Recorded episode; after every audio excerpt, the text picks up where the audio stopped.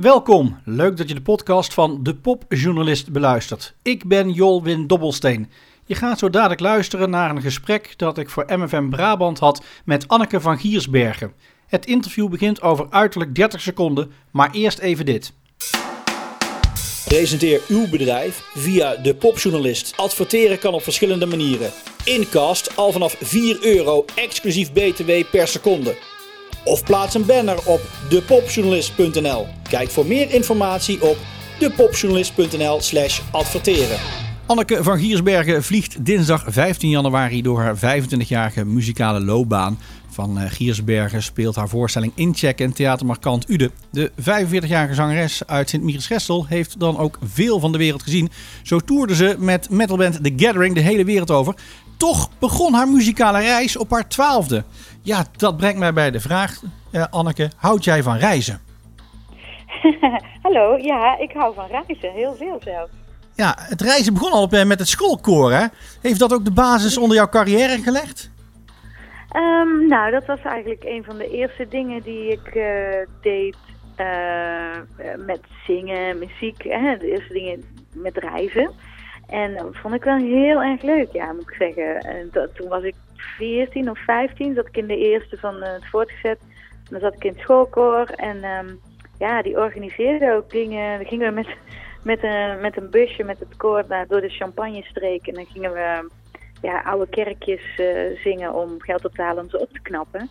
Dat was superleuk. Ja, het had de smaak wat te pakken, ja. Ja, maar wanneer ben je eigenlijk zelf begonnen met het schrijven van muziek? Nou, ook wel rond die tijd. Ik was eigenlijk altijd wel bezig met zingen, dansen, muziek, muziek luisteren. En toen ik jaren 14 was, 13, 14, kreeg ik mijn eerste, eigenlijk een oude afgedankte gitaar van mijn oom. en um, akoestische gitaar. En toen ben ik eigenlijk heel snel uh, gaan schrijven. Dat waren natuurlijk nog geen wereldhits. Maar uh, ja, teksten maken, muziek schrijven, gitaar leren spelen natuurlijk. Dat, uh, ja. Nou, wat is dan belangrijker, zeg maar, de compositie of is de tekst de, de, hoofdzaak? Mm, dat ligt eigenlijk een beetje aan het nummer. Soms dan, is, dan kom je met een hele mooie melodie en dan, die zegt dan eigenlijk al alles. En um, dan is de tekst secundair en soms kom je, word je wakker s'nachts. Dat zijn echt de klassieke verhalen. Dat je wakker wordt of in de trein zit met in één keer de zin en waar je hele tekst omheen bouwt. En waar dan, hè, dan heb je echt iets te vertellen. Zo. Dus uh, ja, het ligt er ook wel echt aan, aan, uh, aan de vorm van het lied. Je hebt verschillende muzikale bijdragen geleverd, uh, onder meer aan de Efteling. Is jouw muzikale carrière een sprookje? Ja, vind ik wel, ja. Vind ik wel. Ik, ik moet eerlijk zeggen, ik doe het al heel lang. Hè? Nou, vaak in ja, professioneel niveau. Um, mijn gezin leeft ervan. Ik doe niks wat ik niet leuk vind qua muziekstijl of, of werk met bepaalde mensen of um, de plekken waarop ik speel. is allemaal te gek. Dus, dus ja, ik zou wel kunnen zeggen dat I'm living the dream, hè. Mm. Incheck is jouw uh, eerste theatertour. Uh, of is niet jouw eerste theatertour, is het wel? Nee. Nee, nee, nee, nee. Ik heb wel dingen hiervoor gedaan. Onder andere een kindervoorstelling. Uh, een aantal jaar geleden. Heel erg leuk om te doen. Weer een heel ander publiek natuurlijk. Hè. Kinderen zijn heel, heel anders om voor te spelen dan volwassenen. Superleuk. En ik heb een klassiek... Ja, ik heb van alles gedaan. Een klassiek, semi-klassiek stuk in theater. En ik heb vorig jaar heb ik een Madonna-achtige jaren 80 show gedaan. In mijn eentje. Dat was ook heel leuk. Ja, dus ik kijk heel erg uit naar deze. Ja, breng jij metal naar het theater? Ja, ik zou uh, willen zeggen van wel. Want um, kijk, omdat in theater uh, hè, speel je doorgaans natuurlijk wat rustiger muziek, een ander genre. Uh, hoewel het natuurlijk heel breed is, je mag eigenlijk doen wat je wil. Dat is leuk van theater. Dus je mag ook acteren. Maar je, ja, ik maak natuurlijk vooral muziekprogramma's.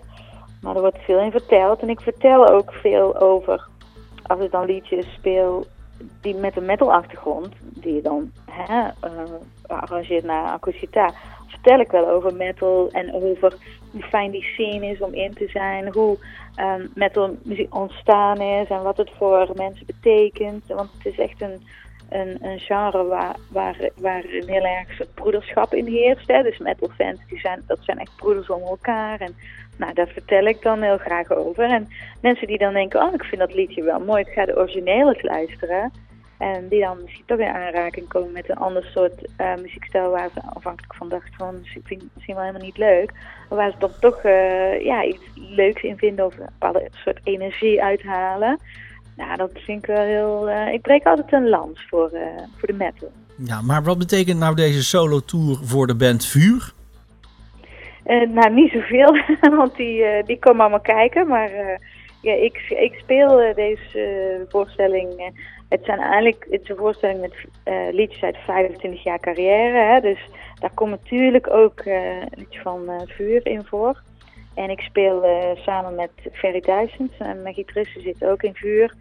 Um, maar ik vertel natuurlijk wel wat en, en mensen komen natuurlijk toch wel in aanraking met al het andere wat je hebt gedaan en wat, je, wat ik nog op dit moment doe. Dus, dus daar hoort de band ook bij. Ja, want uh, de band Vuur bestaat pas sinds 2016. Daar komt niet toch nu al een einde aan, hè?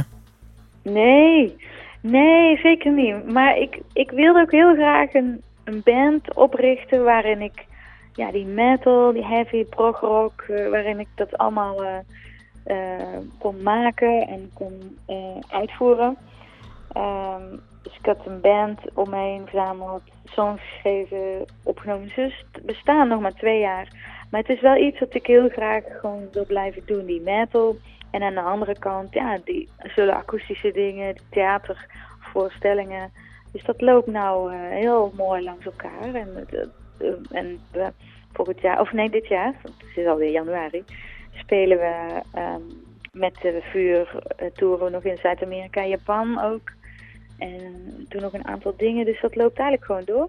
Oké, nou gelukkig even een geruststelling voor de metalfans uh, van je dat, uh, dat uh, gewoon nog gaat gebeuren. nou is het komende dinsdag 15 januari een try-out. Een week later gaat hij in première, hè?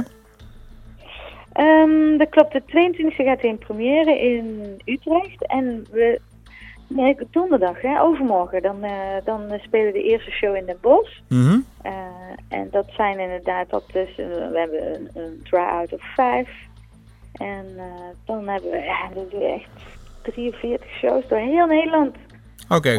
dat is wel fijn, ja. Dinsdag 15 januari dus in Markant Ude een try-out voorstelling ja. van Inchecken. Anneke van Giersbergen, dankjewel dat je aan de telefoon wilde komen. Jij ook bedankt. Je hoorde een gesprek met Anneke van Giersbergen. En ik ben Jolwin Dobbelsteen, de popjournalist. Volg me via Twitter, Facebook, iTunes, SpotNL, Spotify of mijn eigen website depopjournalist.nl. Reageren? Mail naar info@depopjournalist.nl. Dank voor je aandacht en graag tot een volgend gesprek. En genoten van dit gesprek? Steun de popjournalist en doneer. Ga naar depopjournalist.nl/steunen. Alvast bedankt voor jouw bijdrage.